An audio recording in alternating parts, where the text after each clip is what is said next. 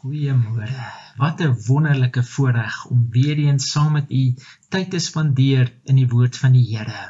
Ons kan nie saamkom in die kerk nie, maar ten minste kan ons hierdie voorreg hê om saam te kan kom oor die net en nog steeds met u die woord van die Here te deel.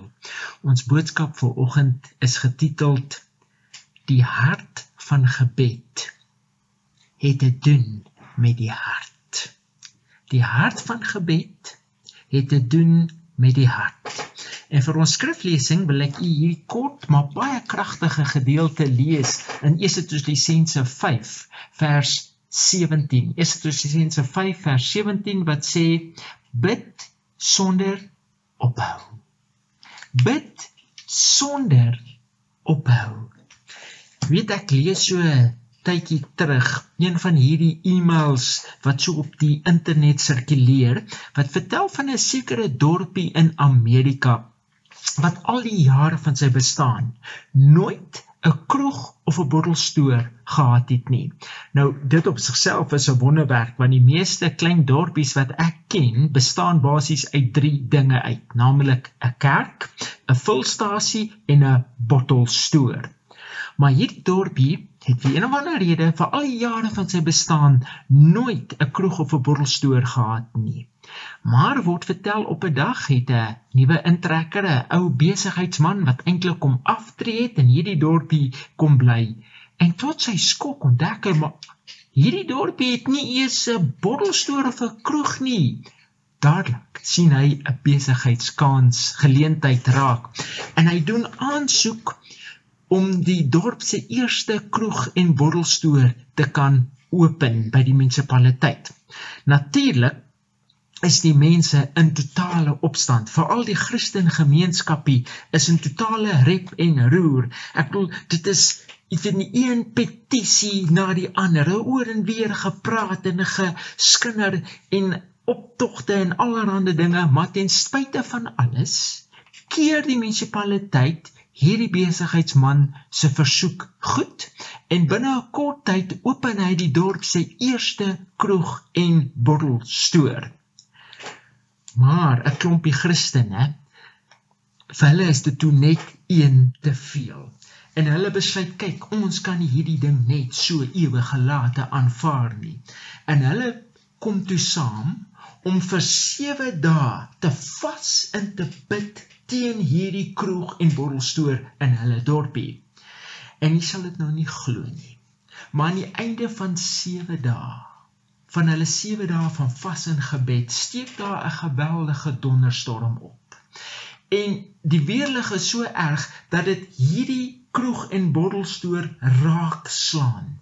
En om nie net raak slaan nie, dit brand hierdie bottelstoer letterlik af tot in sy fondamente, heeltemal verpletter. Wow! Prys die Here sal ons dalk sê. Maar daar's toe net een groot probleem. Hierdie besigheidsman wat teen hierdie tyd geweet het van hierdie groep Christene se gebedsaksie maak toe 'n saak teen hulle omdat hulle volgens hom verantwoordelik is dat sy kroeg en bottelstoer afgebrand het en hy eis natuurlik skadevergoeding. Maar die Christene, die groep Christene en hulle verweer, beweer toe dat hulle egter niks met die weerlig te doen gehad het nie en daarvolgens nie verantwoordelik gehou kan word nie. Die e-mail vertel ons egter nie die einde nie, Maar dit vertel wel dat die regter in wie se hof die saak uiteindelik beland het in sy openingsrede die tot die volgende gevolgtrekking gekom het. Die regter het gesê: Ek weet nie hoe hierdie saak gaan eindig nie, maar een ding staan soos 'n paal bo die water uit en dit is die kroegman glo in gebed en die Christene nie. wow, nee. Die kroegman glo in gebed, maar die Christene nie. En die vraag kom onmiddellik by my op. Glo ons as Christene werklik nog in gebed? Ek wil dit persoonlik maak. Kyk na jou eie lewe. Glo u werklik nog in gebed? Ek bedoel hierdie lockdown het in werklikheid baie van ons se harte so ontbloot dat ons eintlik kan sê dis maar die skudding wat ons uitsif. Hoekom? Want jy sien die lockdown. Jy's nou die tyd wat u en ek moet bid. Bid u? Dalk jy's die tyd wat ons het of althans die lockdown gee vir ons baie meer tyd om te bid. Bid jy? Joe en ek kyk net na my eie lewe, bid ek werklik baie meer as gewoonlik? Jy weet, en die vraag kom weer by my op. Besef ons werklik die waarde van gebed? Het gebed werklik nog betekenis in ons lewens? Of het ons gebede is maar vandag maar net ontaard in 'n gewone uiterlike ritueel as iets wat Christene moet doen met die gevolg ons bid maar ons glo nie meer werklik in gebed nie. Ja, dit is maklik om in gebed te glo solank dit waarvoor ons bid gebeur. Maar wanneer dit nie gebeur nie, wanneer ons nie onmiddellike resultate kan sien nie, bid ons nog of wanneer ons ernstig bid en bid en bid en niks gebeur nie of dinge gebeur nie soos waarvoor ons bid nie. Hoe voel ons dan nog oor gebed? Maar hoe ook al, is dit baie duidelik dat ten spyte hoe ons voel oor gebed en of ons gebede verhoor word of nie, die Bybel baie sterk klem lê op die absolute noodsaaklikheid van gebed die apostel Paulus gaan self so ver in ons skriflesing Efesiërs 5 vers 17 as hy dit op ons hart druk en as te ware vir ons wil sê bid sonder ophou. Bid sonder ophou. Met ander woorde 'n Christen se lewe sal gekenmerk word deur gebed. En nie net gebed nie maar aan houdende gebed. 'n gebed as 'n lewenswyse weet Jesus self het baie oor gebed te sê gehad. Maar die kragtigste oproep tot gebed was nie in iets wat Jesus gesê het nie maar in werklikheid sy eie voorbeeld. Ek bedoel Jesus se hele lewe was gekenmerk deur gebed. As sy disippels hom gesoek het was hy altyd iewers alleen besig om te bid.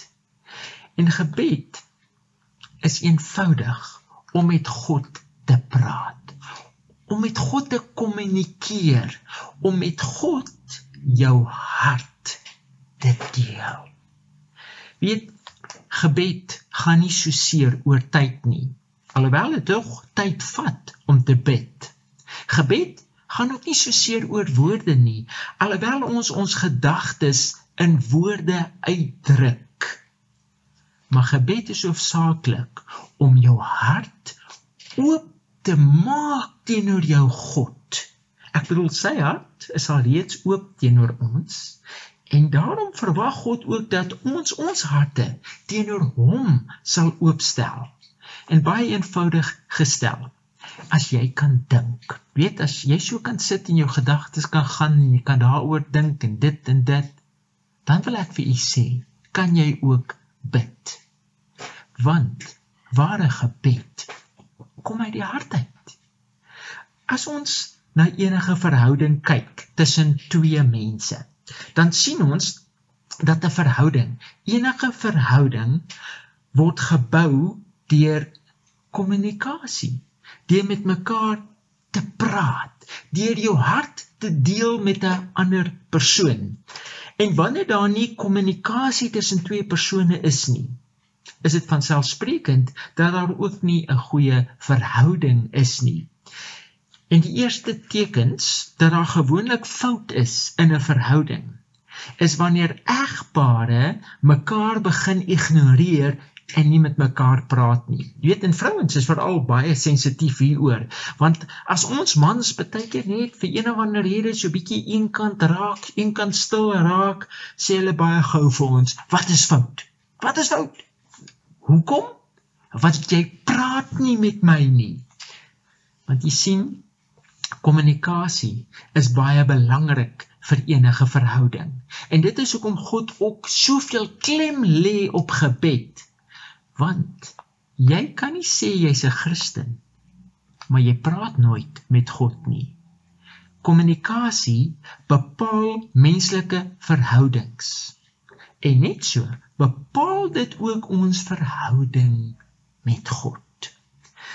As ons na die lys kyk van gawes van die Gees in 1 Korintiërs 12, sien ons dat die Heilige Gees sekere dinge of gawes aan sekere mense gegee het of gee. Byvoorbeeld, vanaf vers 8 sê dit vir ons Want aan die een word deur die Gees 'n woord van wysheid gegee, in die ander 'n woord van kennis van weer dieselfde Gees, en in 'n ander weer geloof deur dieselfde Gees en in 'n ander genadegawes van gesondmaking deur dieselfde Gees. En en so gaan dit aan. En dan spring dit na vers 28 toe wat sê en God het sommige in die gemeente gestel in die eerste plek apostels ten tweede profete, ten derde leraars, daarna kragte, daarna genadegawes van gesondmaking, helpers, regeringe, allerhande tale. Nou, dis baie interessant as ons na hierdie lys kyk. Is daar een baie belangrike gawe wat nie genoem word nie, naamlik die gawe van gebed. En die rede is eintlik baie eenvoudig. Jy sien, gebed is nie 'n gawe wat aan net 'n spesiale groepie mense gegee word nie. Nee, alles behalwe. Ons almal word deur die Heilige Gees bygestaan en ondersteun om te bid. Jy weet, ons word so maklik mislei om te dink dat dat God net na sekere mense se gebedes sal luister en en dat net sekere mense werklik kan bid. Weet baie keer kom mense na my toe en sê leraar, jy moet asseblief vir my bid want want die Here sal nie luister as ek bid nie. En dan dink ek, wat is die verskil as jy bid en of ek bid? Sê vir my, luister God net na sekere mense as hulle bid en ander nie? Of het sekere mense se gebede nou meer gesag by God as my eenvoudige gebed? Of dra dit nou meer gesag as ek voor in die kerk bid of wanneer ek alleen in my kamer op my knieë bid? Dis interessant as jy by die klaagmuur in ou Jerusalem staan en jy kyk hoe veral die baie konservatiewe Jode elke dag by hierdie muur staan en bid. Nou die klaagmuur is die enigste gedeelte van die tempel wat behoue gebly het na die vernietiging van Jerusalem in 70 na Christus. En dit is natuurlik vir die Jode vandag 'n baie heilige plek. Nou wat dit interessant maak is die feit dat hulle glo dat wanneer jy by hierdie muur bid, dan dra jou gebede baie meer gesag as wat jy by enige ander plek bid. Ek bedoel Jode van reg oor die wêreld, baie keer met groot onkostes, kom na hierdie plek om te bid, hierdie muur want hulle glo as jy hier bid, is jou kanse baie beter en jou gebede verhoor sal word. Hulle skryf selfs gebedjies op klein stukkies papiertjies wat hulle dan tussen die skeurtjies van hierdie muur so groot klippe indruk omdat hulle glo dat dat deur dit te doen God nou jou gebede sal verhoor. Is dit hoe gebed werk? Is dit hoe dit werk? Ek luister so tyd gelede na sekere predikant wat 'n groot ophef maak daaroor dat as jy bid dat jy nie jou hande so in gebed moet saamvou nie. Nee sê hy, dis 'n heidense simbool van armoede en geestelike armoede. So jy kan nie jou hande so vou saamvou as jy God aanbid nie. Maar die regte manier hoe jou hande moet vou volgens hom is om jou handpalms bo so na voor uitgestrek te hou na bo in gebed. Hy sê dis die manier hoe jy moet bid. Nou duidelik het hy nog nie vir Walter White geluister wat vir ons bewys het dat die eertydse sonaanbidders die son juis so aanbid het nie. Inteendeel, moderne sonaanbidders aanbid nog steeds die son op hierdie manier. Sê vir my, gaan gebed hoofsaaklik oor hoe jy jou hande vou terwyl jy aanbid of meer hoe jy jou hart vou? Gaan dit oor hoe jy jou hande hou of wat daar in jou hart is?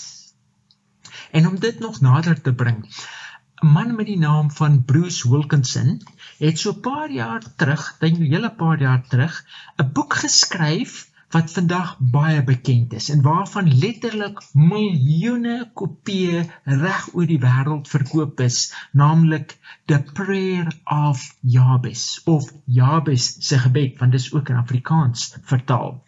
Nou in hierdie boek beweer die skrywer deur net die gebed van Jabez woord vir woord vir 30 dae te bid, dit jou hele lewe sal verander. Nou hy beweer self dat hy nou al vir 30 jaar elke dag hierdie gebed woord vir woord bid en dat dit sy hele bediening verander het. Wow. Dink ons onmiddellik dit moet seker die een of ander baie spesiale of kragtige gebed wees en ons is sommer nuuskierig om weer eens te kan sien wat die Jabes eintlik gebid. Ons kry dit in 1 Korinte Kronieke 4 vers 10. En ek moet sê toe ek daartoe blaai toe sit tot my eie skok, eintlik 'n eenvoudige 4 reeltjie gebed waarin Jabes bid en sê stort u seën oor my uit. Vergroot my grondgebied. Neem my onder u beskerming en weerhou onheil van my sodat geen smart my tref nie. 'n Eenvoudige gebed, maar gebaseer op hierdie skrywer se interpretasie beweer hy dat hierdie gebed van van Jabes 'n spesiale gebedsformule is maar meer besonders ook 'n gebed is wat as jy dit elke dag woord vir woord herhaal, jou hele lewe en omstandighede sal verander. Inteendeel, Wilkinson daag sy lesers uit om hierdie program te volg en vir die volgende 30 dae te kan bid, hierdie gebed te kan bid en dan te kan sien hoe hierdie gebed jou lewe verander. Nou, ek is nie hier om Jabes se gebed af te breek nie. Inteendeel, ek glo hy dit in alle opregtheid gebid. En ek is ook nie hier om u van 'n seën te beroof as u dalk hierdie program in u lewe gevolg het en 'n seën daaruit gekry het nie. Inteendeel, as dit vir u werk en u ervaar God se seën daardeur, by all means, moenie dat ek u terughou nie. Maar en altyd die maar nê.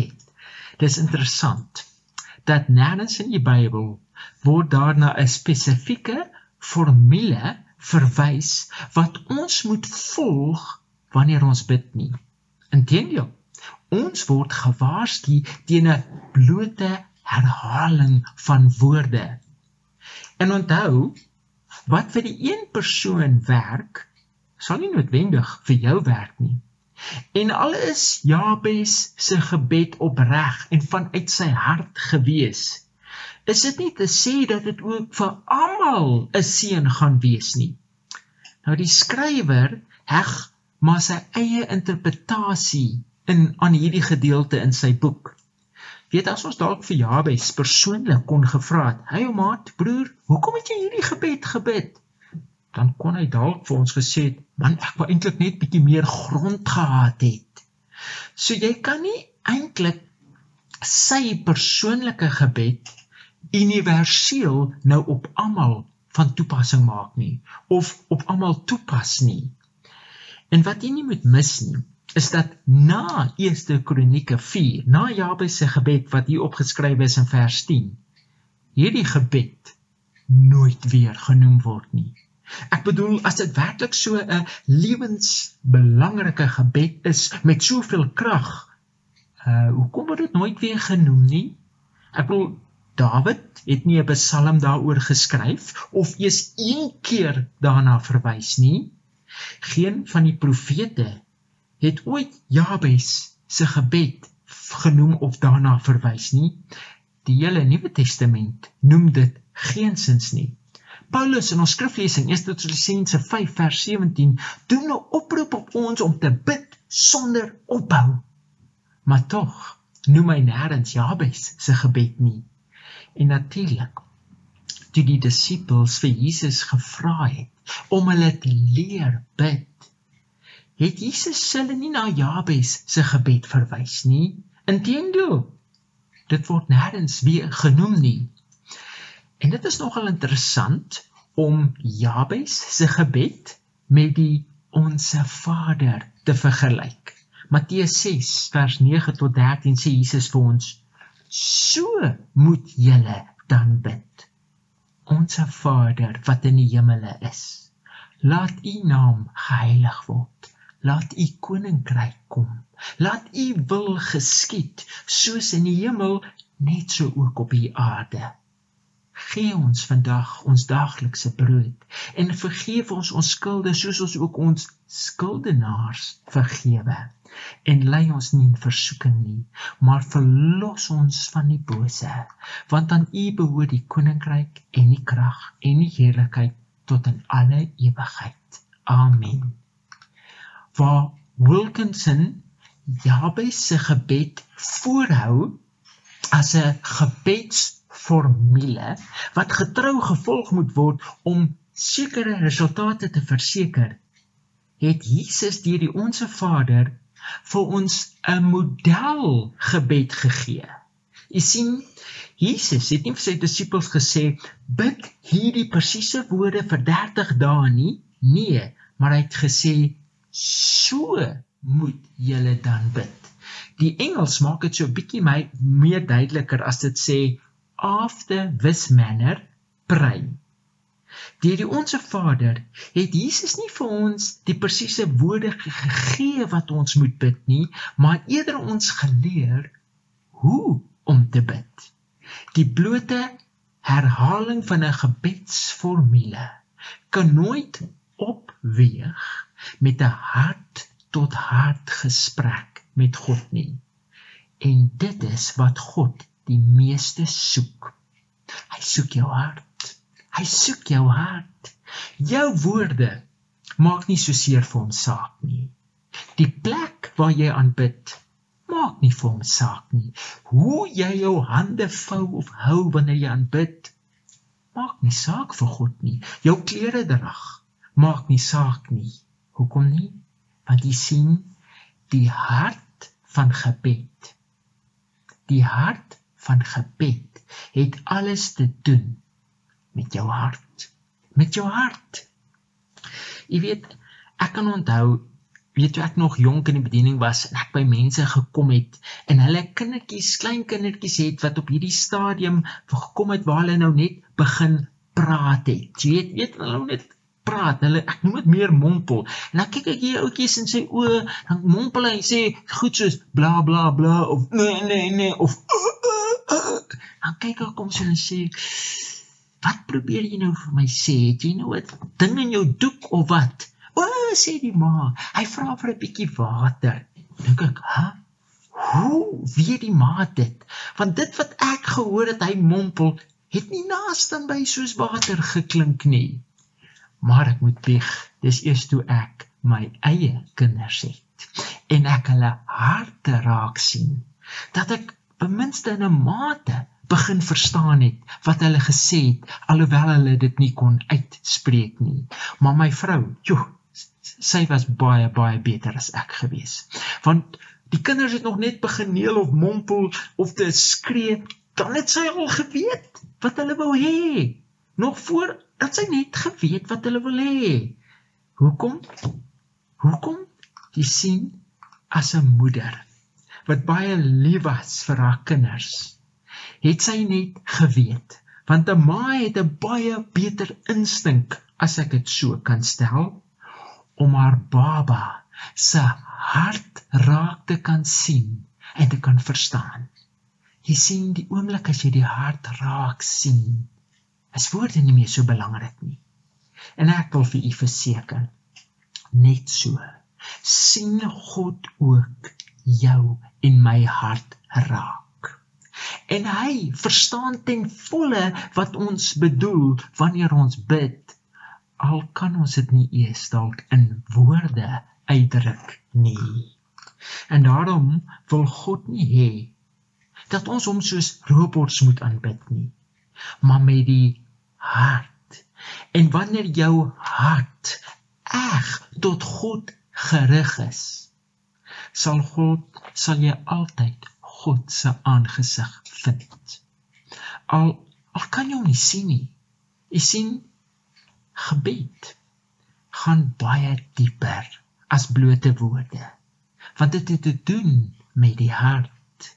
En daarom vir enige gebed om eg te wees, het dit nodig om vanuit die hart te kom. En ek wil u verseker dat God sal nooit 'n hart ignoreer wat in opregtheid tot hom kom nie. Of nog nader gestel. God sal nooit jou hart ignoreer wanneer jy in jou sondige opregtheid tot hom bid nie. O mag ons bid mag u met God in kommunikasie in gebed tree wat jou lewe met hom sal deel. Want dis die gebed wat God soek. Kom ons buig saam die hoofde.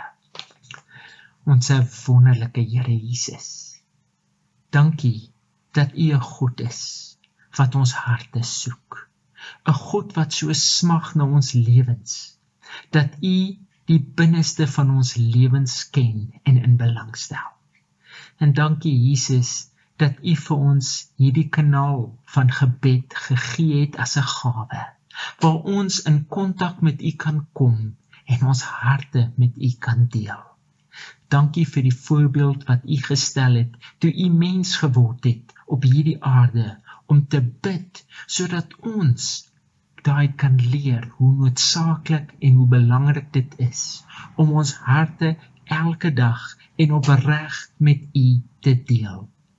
O Jesus, mag U ons help om so te bid dat ons so deel van U sal word, dat ons nooit van U geskei sal word nie en dat ons veral in hierdie tye waarin ons leef en tyd het om te kan bid, dat ons nog soveel meer sal bid, met U sal praat, met U ons harte sal deel en met U 'n verhouding sal opbou wat nooit vernietig sal kan word nie. Ons gee ons in U hande en ons bid dit in ons verlosser Jesus se kragtige naam. Amen. Mag Jesus U seën en styf vashou. Amen.